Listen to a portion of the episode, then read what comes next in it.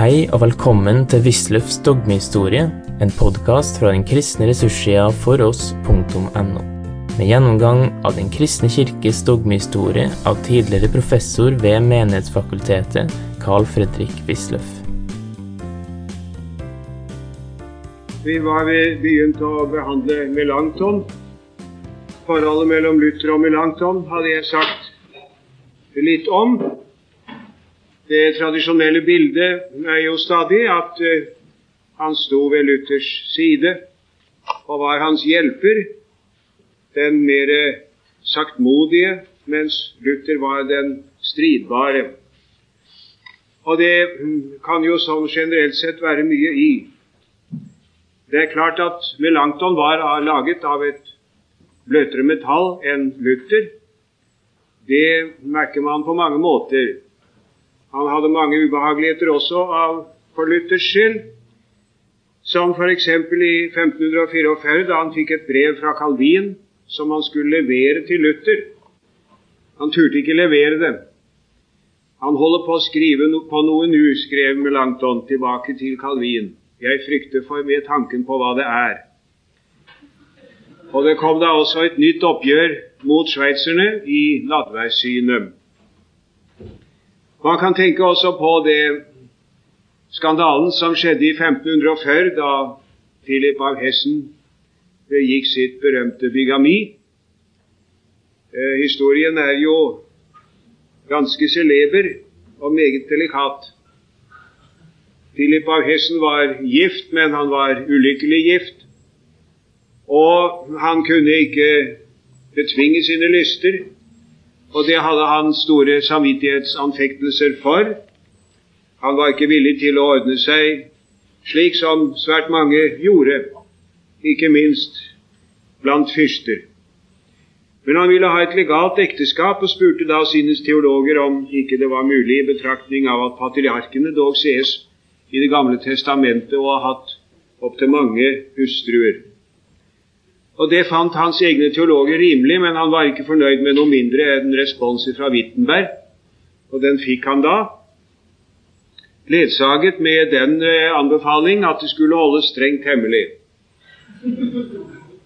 Det er jo ikke lett å forstå hvordan man kunne forestille seg noe sånt kunne holdes hemmelig, og ganske riktig eh, brudens eh, stolte moder lekket.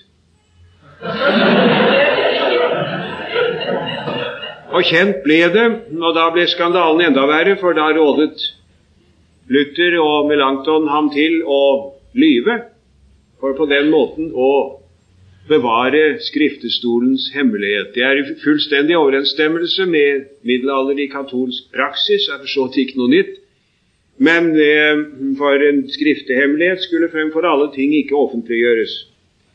Men det hele var naturligvis eh, uopprettelig skandale skadet reformasjonen i aller høyeste grad, og Melanchthon holdt bokstavelig talt på å dø av det. Og hadde formodentlig dødd hvis ikke Luther hadde kommet og, som han selv sa, befalet ham at leve.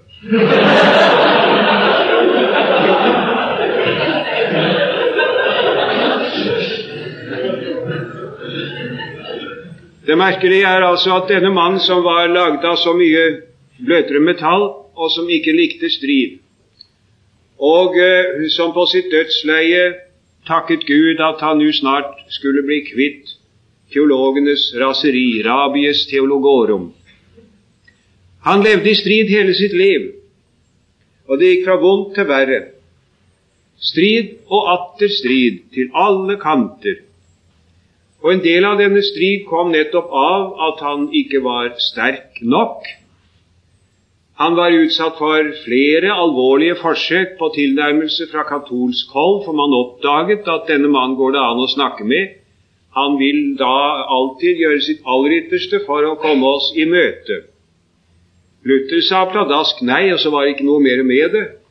Det er alltid mye lettere. Har man først begynt å forhandle, så er det verre. Og Det samme var også overfor keiseren.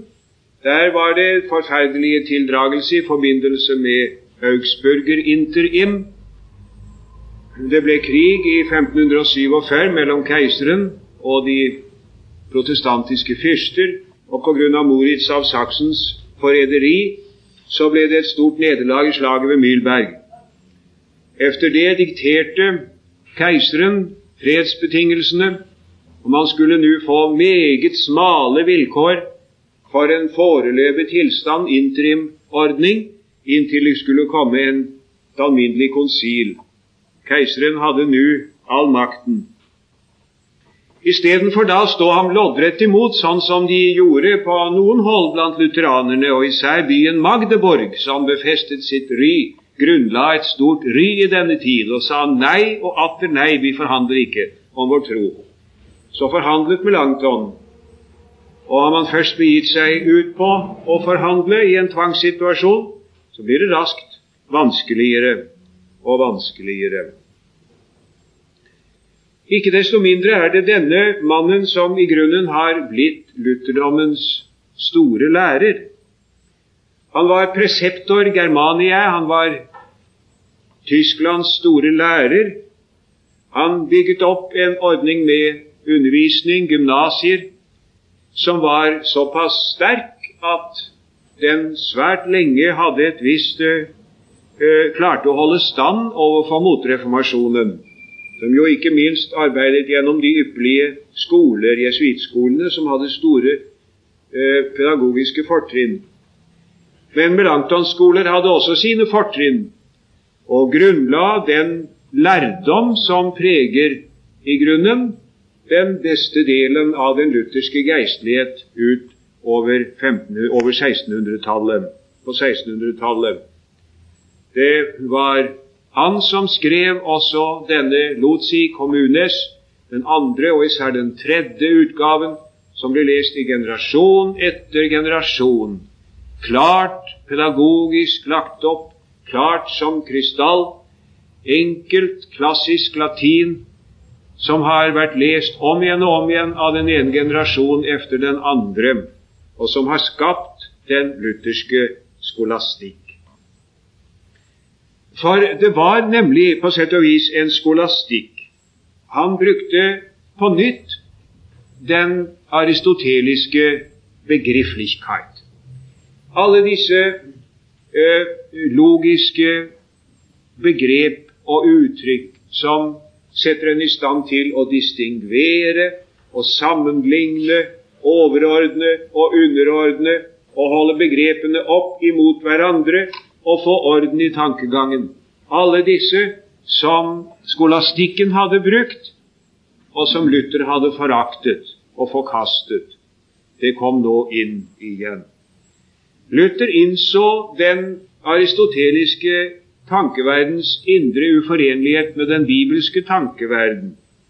Og slutter har man inntrykk av en mann som ønsker helt fra begynnelsen av og inn til siste setning å være bestemt av ikke noe annet enn Bibelen. Det er hans intensjon, og derfor hater han jo Aristoteles og sa at det var bedre man ikke brukte ham i det hele tatt. Med Melanchthon kommer denne begrepsmessighet inn igjen. Man har også inntrykk av at han har et visst filosofisk utgangspunkt når han taler om fornuftens lys. Man skal ikke oppfatte det rasjonalistisk, men man skal oppfatte det mer i retning av Augustins tanker som atter kommer. Her er det så den kristne åpenbaring føyes til, sånn at vi nå vet hva Gud vil med oss. Spørsmålet er nå om man kan si at Melanchthon var en tro lutheraner, eller var han kanskje en forfalsker av lutherdommen? Ja, her er det i grunnen to tradisjoner som har vært der hele tiden, viser det seg. Han fikk jo en forferdelig strid på grunn av eh, at han ble stamfader til den retning som heter filippismen. Efter Leipziger interim i 1508, og før var han ikke anerkjent av alle lutheranere, men bare av et parti. Han var leder for filippismen. Jeg kommer tilbake til det. Og på det hold kunne man kritisere ham til dels meget sterkt, og det har mange gjort enda. Eh, I våre dager ser man den tradisjonen i Missouri-synoden i Amerika. Eh, I øyeblikket man, har man andre bekymringer akkurat over der, som det vil være kjent, kanskje. Men tradisjonelt er det en meget antimelantonsk tradisjon når man der har meget antimelantonsk. Det kan man f.eks. se i Pipers store trebinds dogmatikk, som har vært brukt lenge derover. Og Likeså har en del nyere teologer, ikke minst i Sverige, villet vise at Melanchthon ikke er noen sann lutheraner. Hva skal vi tenke om det? Det gjelder da å få klarhet over hvor han kan sies å ha avveket ifra Martin Luther, eventuelt ifra lutherdommen. Og det er jo det siste som er det viktigste. Hva er luthersk? Svaret på det må bli det er luthersk som Den lutherske kirke har i sin bekjennelse. Martin Luther er ikke målestokken. Det er fullstendig meningsløst å tenke at vi, fordi vi nå er lutheranere, gid vi hadde hatt en annen glose, det ønsket Luther også, skulle være forpliktet til å mene alt det som Luther mente om dogmatiske spørsmål. Lykkeligvis er vi verken døpt, konfirmert eller eventuelt ordinert på Martin Luther. Og Når det gjelder Den lutherske kirkes læreforpliktelse, så er det Den lutherske kirkes bekjennelse som er det avgjørende. Og Spørsmålet blir da er Melanchthon i strid med den? Er han i strid med Martin Luthers teologi, og er han i strid med Den lutherske kirkes bekjennelse? Jeg nevner da først spørsmålet om viljens frihet og om predestinasjonen. I den første utgave av Lotsi kommunes 1521 lærer han forutbestemmelse. Han mener at viljen er determinert av Guds alenevirkende vilje. Våre affekter, et begrep som spiller en stor rolle hos Melanchthon, Våre affekter, dvs. Si motivene som vi handler efter, kan vi ikke rå med. Viljen rår ikke med det. Altså affekter betyr da ikke det som vi til vanlig kommer i affekt, sier vi, da blir jeg sinna. Meningen er selvfølgelig ikke noe i den retning. Men våre, våre motiver, vår viljens grunnretning, som hos Augustin, det rår vi ikke med. Og Derfor så lærte han en meget sterk predestinasjonsoppfatning til å begynne med. Men fra 1527 ser vi at dette er oppgitt. Han mener Gud kan umulig ville noens død, sier han, for da var jo Gud opphav til det onde. Og det siste er alltid det vanskelige punkt for teologene å få til. Lærer man predestinasjon, Gud har bestemt noen til fortapelse, er da ikke Gud opprinnelsen til det onde? Det kan vi ikke tenke oss, det er umulig. Det er i strid med Guds egen åpenbaring og hans vesen, men hva så? Og skylden må da ligge hos mennesket selv, sier Melanchthon, om det går fortapt. Guds frelsesvilje er universell. Gud vil frelse alle. Det er motsatt Calvin, som ikke tror det. Eh, men menneskene kan eh, bestemme om de vil svare ja eller nei. Altså har omvendelsen tre årsaker. Dette er viktig. De tre årsakene er Guds ord, Guds ånd og menneskets vilje. Eh, Luther han har i grunnen ikke mer enn to. Det er Guds ord og Guds ånd. Hvordan troen kommer til, er i grunnen et mysterium, vi kan ikke forklare dem. Men Melanchthon fører inn en forklaring i og med det tredje moment. Uh, Guds ord, Guds ånd og menneskets vilje. Han taler om, og der er det en trykkfeil som jeg må be dem rette, han taler om en facultas applicandi candi se ad gratiam. Ad gratiam. Facultas applicandi se ad gratiam. Altså eh, viljen har en evne til å eh, innrette seg på eh, nåden, å ta imot nåden. Facultas applicandi se ad gratiam. Om det skulle det senere bli en veldig stor strid. Og Den lutherske kirke har i Concordie-formelen tatt avstand fra dette syn. Det vil si, vi har jo ikke Concordie-formelen, men der har de tatt avstand ifra det. Der er med andre ord et punkt som er uh, annerledes enn den, en, uh, en Luther, aldeles forskjellig fra Luther. For Luther holdt på sin død, til sin død på et sterkt predestinasjonsbegrep. Og det er ytringer hos Luther, te, altså teologisk utformede og gjennomtenkte uh, utsagn hos Luther, som er like sterkt predestinatianske som hos Calvin. Derom er det ingen som helst tvil. Judas var av Gud forutbestemt til å svike Jesus, sier Luther med klare, tydelige ord i De servo arbitrio. Melanchthon er her den lutherske kirkes lærefader. I dag oppfatter vi predestinasjonslæren som noe typisk reformert. Det vil si uh, ja, reformert og reformert, det betyr noe så mangt. Under tiden betyr det bare noe som man for anledningen ikke liker og vil distan distansere seg ifra. Men det betyr jo altså både den gamle eh, reformerte kirke Eh, gamle presbyterianske kirkesamfunn og de nyere retninger som har spilt en, og spiller en betydelig rolle hos oss. Vi pleier under tiden å kalle også dem for reformerte, eh, ut fra en forestilling om at man har paven til høyre og alle de andre til venstre.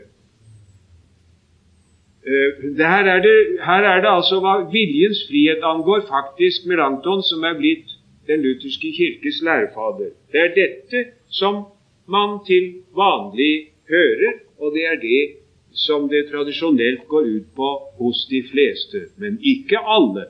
F.eks. Missouri-synoden, som vi allerede har nevnt, øh, lærer ikke her som Melanchthon. Og Det er nok også andre som orienterer seg annerledes. Men altså predestinasjonslæren regnes ikke for å være eh, til vanlig for å være luthersk, det regnes for å være mer eh, reformert. Rettferdiggjørelseslæren, der har, der har Melanchthon blitt den lutherske kirkes læremester i aller høyeste grad. Eh, rettferdiggjørelseslæren, sånn som man har den i våre gamle katekismer, i utallige prekensamlinger og oppbyggelsesbøker og bønnebøker og i salmer overhodet i den klassiske lutherske oppbyggelseslitteratur. Eh, der finner vi rettferdiggjørelseslæren i Melanchtons fasong. Og det vil si det er en utpreget forensisk rettferdiggjørelseslære. Eh, de vil huske hva uttrykket betyr. Forensisk har sammenheng med forum, som betyr en domstol, En torv eller her en, en domstol. In foro køli. En trykkfeil der. Køli skal det stå. In foro køli. Uh, der er det uh, Altså, for himmelens domstol skjer der en rettferdiggjørelse. Uh, jeg minner alltid her om Brorsons salmevers, jeg vet ikke noe enklere og bedre. Gud for alle riger dømmer selv og siger, denne han er fri. Det er rettferdiggjørelse. Det er en frikjennelse, og vel å merke en frikjennelse av synderen som tar sin tilflukt til Jesus. Altså er jeg simul justus et peccator, som også Luther sier, jeg er på en og samme gang rettferdig og en synder. En synder i meg selv helt og fullt, og rettferdig i Kristus helt og fullt. I rettferdiggjørelsen er der ingen grader, sa de gamle lutheranerne. Man kan ikke være mer eller mindre rettferdiggjort Man er enten rettferdiggjort, dvs. Si benådet av Gud, eller man er det ikke. Det er helliggjørelsen. Det er grader i, utvikling i, og skal være fremskritt i. Og som eh, Luther har også Melanchthon forestillingen om totus homo-aspektet, som Luther utvikler. Jeg, mennesket, den troende, er alltid totus. Han er totus pekator og totus sanctus. Jeg står for Gud og er i meg selv helt og fullt en synder og fortjener helvetes dom og straff. Men jeg er helt og fullt rettferdig i Kristus og verdig til himmelen for Hans skyld, i hvis rettferdighet jeg står for Gud. Dette er den, dette er den uh, forensiske rettferdiggjørelseslære. Uh, det, det, det, er ingenting her som strider imot Luther. Det er bare den ting at Luther hadde en litt annen måte å tale om. Han talte om Kristus som er personlig levende til stede. In ipsa fide Kristus ad est. Jeg har sitert det for dem før fra den store Galaterbrevskommentaren. I selve troen er Kristus til stede. Og Jeg vil få nevne for dem nå et eh, brev av Melanchthon fra 1531 til Johannes Brems. Det er et, eh, en av de eh, lutherske reformatorer i annen rekke, som man pleier å si, en av de store menn. Der skriver først Melanchthon om rettferdiggjørelsen og utvikler det efter sitt, sitt grunnsyn. Ideo sola fide summus justi, sier han, fordi eh, non quia sit radix, sed quia apprehendit Christum. Det er eh, rettferdige ved troen alene, ikke fordi troen er en rot som noe godt vokser ut av, det er ikke grunnen, men bare fordi den tar fatt i Kristus. Og Her kritiserer han også Augustin fordi han ikke har sett klart i denne sak. Og så kommer det et efterskrift, også på latin, ifra Luther, og det er så interessant. Jeg pleier, sier han, ego soleo mi brenti, også jeg pleier, kjære Brens, å forestille meg dette når jeg skal gjøre det klart for meg selv. Jeg forestiller meg at det ikke er noe godt i mitt hjerte. Der er verken tro eller kjærlighet. Men istedenfor dem så setter jeg Jesus Kristus der i hjertet mitt. Han er min rettferdighet. Altså, det, det, er liksom Kristus selv som kommer og er kjempende hos oss og i oss i kraft av troen. Det er ingen motsetning, men vel en nyanse i uttrykksmåten. Det er Melanchthon som har ført tradisjonen videre. Det er han som helt og fullt bestemmer også tankegangen og uttrykksmåten, f.eks. i den bok som har spilt så stor rolle i vårt lands kristenliv, nemlig Pontoppidans forklaring. Hva er rettferdiggjørelsen? Den burde enhver predikant kunne utenat og hyppig minne om. Rettferdiggjørelsen er at den treenige Gud av bare nåde og for Kristi skyld tilgir den angrende og botferdige synder og eftergir ham både synden selv og dens skyld, og isteden tilregner ham Kristi fullkomne rettferdighet, ja, anser ham i Kristus som om han aldri hadde syndet. Det er rettferdiggjørelsen. Syndenes forlatelse og tilregningen av Kristi rettferdighet. Så står jeg hellig og ren for Gud. Ikke meg, ikke fordi jeg begynte å tro, men for Kristi skyld alene, som troen griper og holder. Eh, her er det især Melanchthon som er vår lærefader, lutherske kirkes lærefader. Det er han i grunnen også når det gjelder boten. Boten er jo det, eh, et av de aller viktigste ting som vi har i hele eh, den kristne læres historie. Luther hadde ikke mer enn to momenter i boten. Det ene det var anger, og det andre det er tro. Det står i Augustana 12, det er skrevet i Luthers ånd. Der står det at det er to ting som hører med til boten, og det er anger og tro.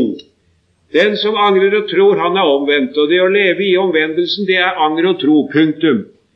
Og så var Luther ganske sikker på at hvis man levde i troen, så kommer Den hellige ånd, og denne gave renser og feier daglig de øvrige synder ut, som det heter i smalkaldiske artikler. Und diese Buße wäret bei den Christen bis in den Tod, denn sie heißt sich mit der übrigen Sünde, beißt sich mit den Kämperimut die übrigen Sünde im Fleisch durchs ganze Leben.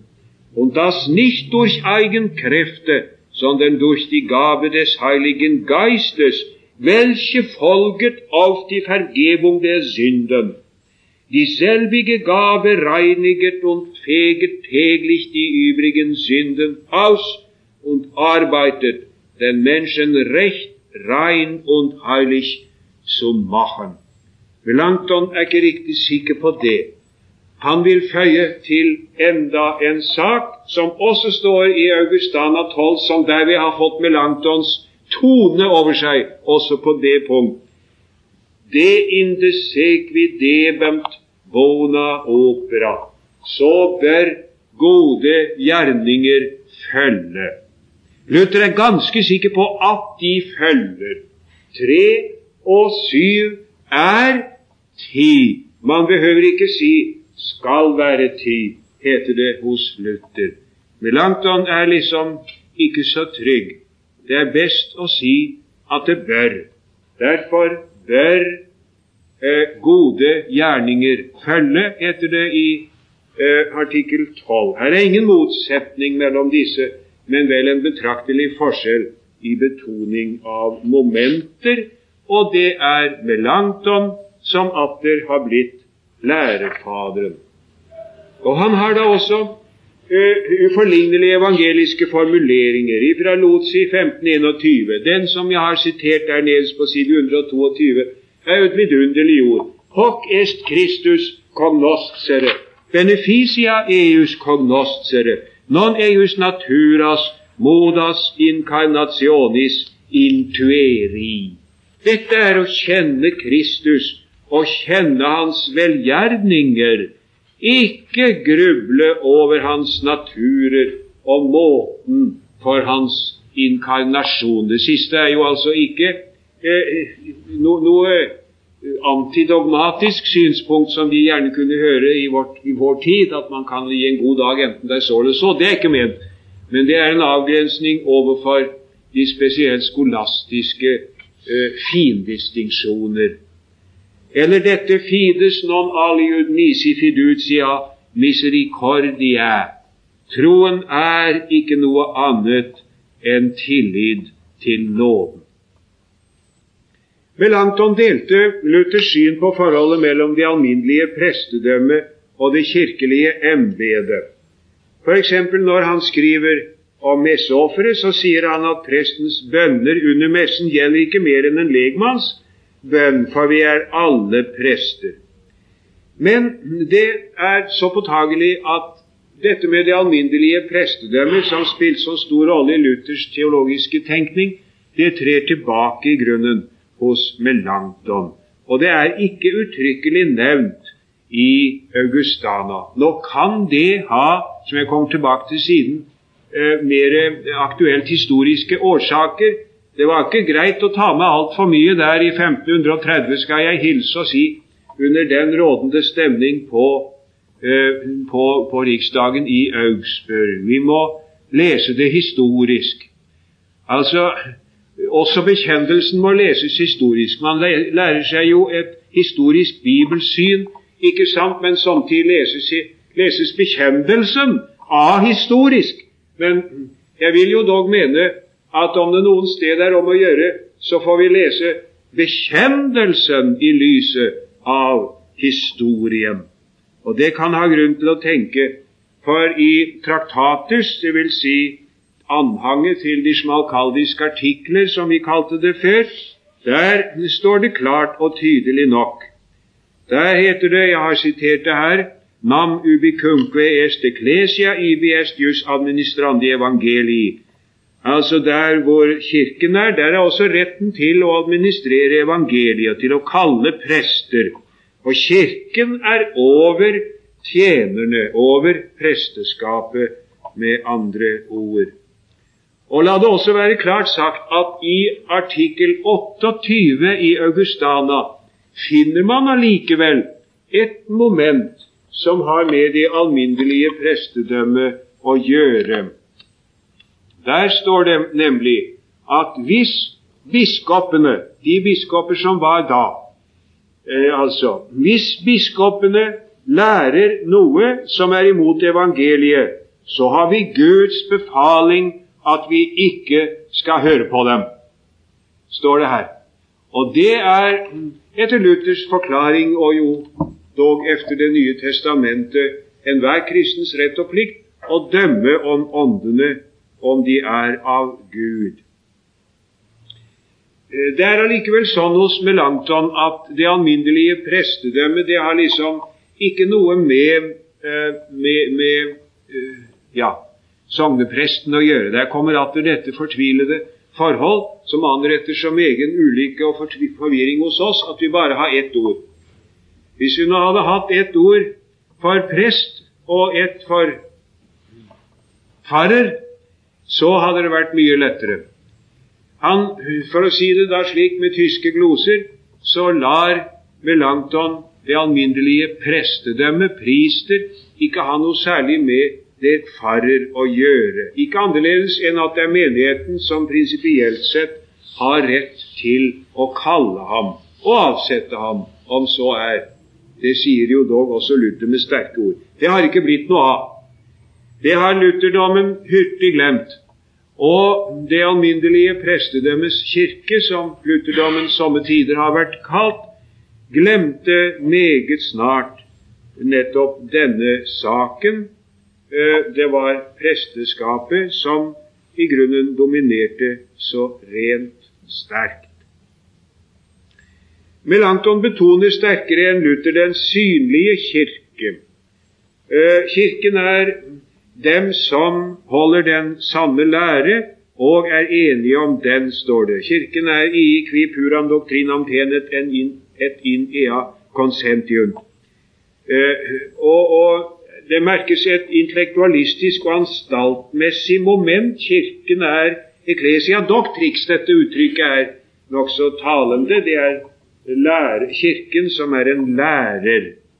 Og mennesket forvisser seg over sin kristenstand ved å kunne si credo symbolum et utor sacramentis som baptizatus et obedio ministerio. Jeg tror trosbekjennelsen og bruker sakramentene. Jeg er døpt og er lydig imot presteskapet.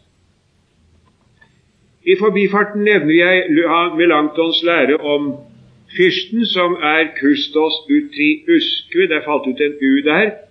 Under punkt 9 kustos utriuskve tabula. Han er vokter av begge tavler. Ment er begge lovens tavler. Man har jo tenkt seg, som de vet, de ti bud skrevet på to tavler. Det ene som har med forhold til Gud, det andre som har med forhold mellom mennesker og til mennesker å gjøre.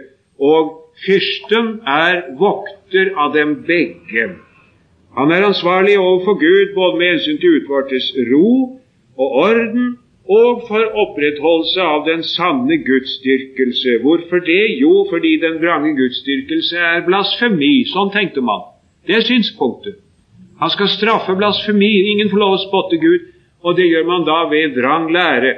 Det er en virkning ennå stadig av dette hvis betydning vi vanskelig kan overvurdere om vi vil forstå den kristne kirkes historie, nemlig den rikskirkelige politiske tankegang siden de gamle, store keisere og deres lovgivning i oldtiden.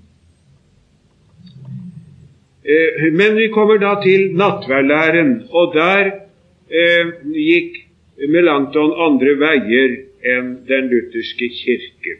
Han har vaklet mye der.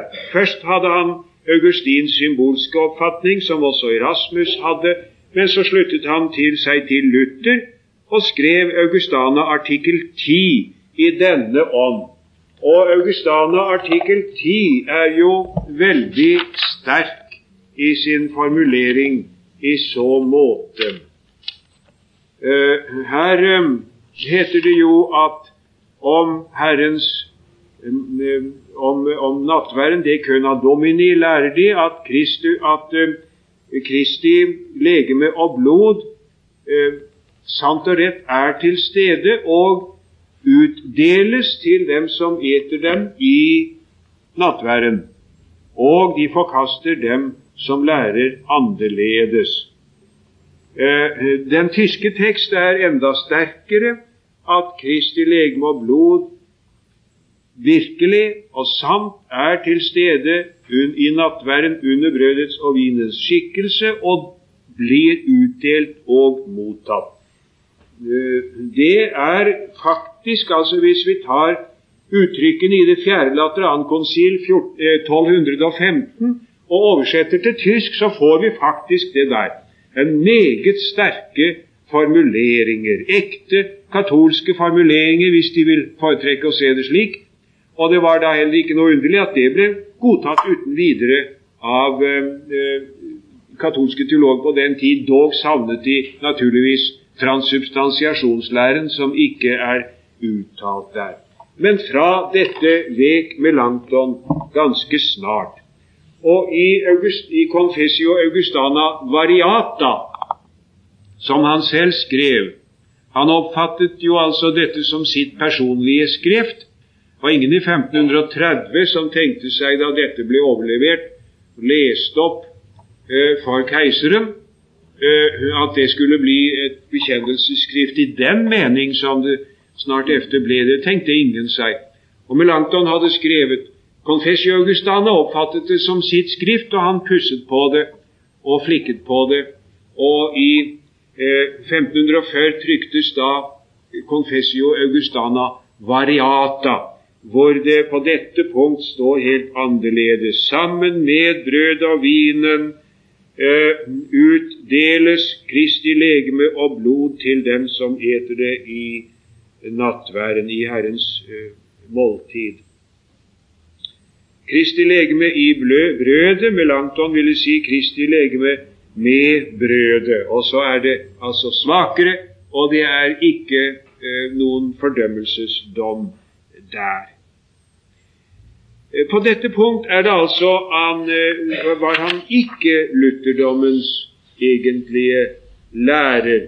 Og skulle vi si hvor han ikke var det, så måtte det da først og fremst være nattverdlæren. Eh, og så er det altså omstridt tradisjonelt i, i lutherdommen med hensyn til boten og om de tre som samvirker til omvendelse. Jeg viser til Norsk kirkehistorie 1, side 482, og overhodet til avsnittene der for så vidt angår filippismen, som er skrevet relativt utførlig om. Det spiller jo nemlig en sånn voldsom rolle eh, i, hos, eh, i, i, norsk, i norsk kirkehistorie som i dansk. Norsk er jo bare et refleks av det danske. Eh, det var man ikke tidligere skikkelig klar over, men det er helt på det rene nå og godt gjort ved eh, mange undersøkelser at den, den melangtonske, filippistiske retning var umåtelig sterk i, også i vårt land, inntil den drabelige Hans Paulsen Resen satte en stopp for det utpå 1600-tallet. Vi rekker å gå litt videre og vender oss til Hultreich Zwingli i Sveits. Og når vi begynner å arbeide med et Zwingli, så merker vi straks at man er kommet liksom i en annen åndelig atmosfære. Zwingli er, er humanist. Han er humanist. Han har lært hos Erasmus å høyakte Skriften som kilde og norm, dvs. Si som lov og regel for alt menneskeliv. Han er uh, antihierarkisk, og han er gal på alt seremonivesen, og lærer egentlig en indre spirituell gudsdyrkelse. Det merker man f.eks. på hans uh, uh, syn på gudstjenesten, som jeg ikke vil komme noe mer inn på. Han har en meget, meget, meget enkel liturgi, og han har ikke noen form for musikk i sin liturgi. Man sang ikke, langt mindre brukte orgel, naturligvis, for den slo man i stykker. Og, uh, og man sang ikke, ikke heller i den svingligske gudstjeneste. Og Det er interessant av den grunn også at Zwingli var nemlig en meget habil musiker. Han var glad i musikk. Han kunne spille de fleste instrumenter ifølge troverdige meddelelser i samtid, med gudstjenesten skulle det ikke være. Han fryktet liksom alt sånn utvortes som skulle være, være forstyrrende. Det er egentlig en spiritualiserende oppfatning av det med oppbyggelse. Mens Luther jo ville ha det utvortes. Han ville ha alt utvortes. Gud bruker jo utvortes midler. Han bruker brød og vin, og han bruker ordet. Han bruker trykte bøker. Og hvorfor ikke da et bilde av Herren? Og hvorfor ikke da sang og musikk, noe som vitterlig djevelen er så redd for som musikk? Hvorfor ikke bruke det? mente han. Eh, Svingli var glad i musikk, men i gudstjenesten skulle det ikke inn. Han eh, var jo altså først eh, teologisk student, og man kan si han lærte av Erasmus. Han studerte Augustin, han tilegnet seg mye av det som på denne tiden åpenbart har vært nokså alminnelig å tenke, og betone Guds nåde, predestinasjon og arvesynslære, hvor han har sterke ord, og hvor han lærer at det er, mennesket er fortapt. Eh, men det svinger riktignok senere, som jeg kommer tilbake til, i retning av en ganske avsvekket arvesynslære. Han var til å begynne med ikke annerledes enn en prester, prester flest. Han hadde enkelte pletter på sitt, på sitt rulleblad eh, også i, i, grunnen. Han hadde en historie med en, en eh, kvinne som han måtte gjøre rede for, og det brevet står å lese til denne dag. Han unnskylder seg med at uh, for det første så var hun bare datter av en barber, og for det andre så var hun ødelagt fra før.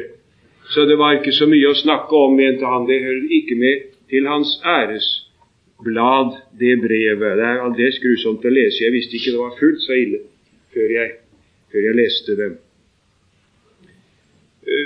Til reformatorisk handling ble han vekket antagelig ved lesning av Luther. Og det er vel som Walter Køhler sier, at Eh, som, denne aktivisering er Luthers betydning for Svingli. Ikke særlig mye mer, for han tenker så helt annerledes på mange punkter. Ganske visst er rettferdiggjørelseslæren eh, lik Luther for så vidt som han hele tiden sier. Den består i at Gud tilgir synder, og eh, tilgir også skylden og tar oss til sine barn. Og troen er tillit til Guds nåde. Men Guds begrep er så annerledes. Her er ikke noe av denne deus absconditus. Her er det ikke noe av dette å stå med angst og beven for en Gud hvis øyne ser tvers igjennom en. Det er ikke noe av det. Det er kaldt og logisk og stoisk. Det er et filosofisk Guds begrep som eh, var kommet opp gjennom renessansen igjen. Gud er primus movens, den eneste årsak. Alt er i Hans hånd og er Hans verktøy. Og djevelens fall og menneskenes fall var villet av Gud. Det er Guds providens som da i grunnen virker hele veien.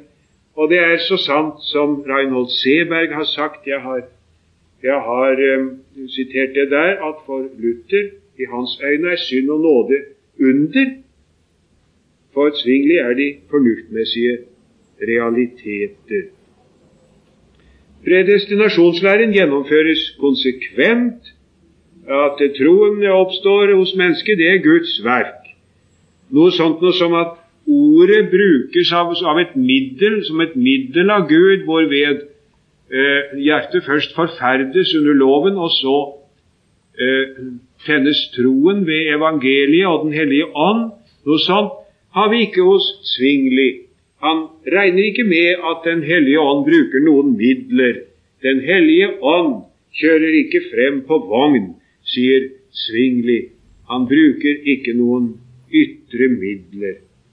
De som tror, er da utvalgt, og også hedninger har hørt til de utvalgte. Der finnes Han regner med å møte Sokrates og Cato og Platon og Scipio og Seneca eh, i himmelen. Dette betyr da atskillig også for eh, Nei, nå, jeg, nå, skal jeg gi meg, for klokken er to, og vel så det. Vi setter punktum. Du har nå hørt Wisløffs dogmehistorie. Finn flere ressurser og vær gjerne med å støtte oss på foross.no. Følg også gjerne noen av våre andre podkaster, f.eks. Table Talks.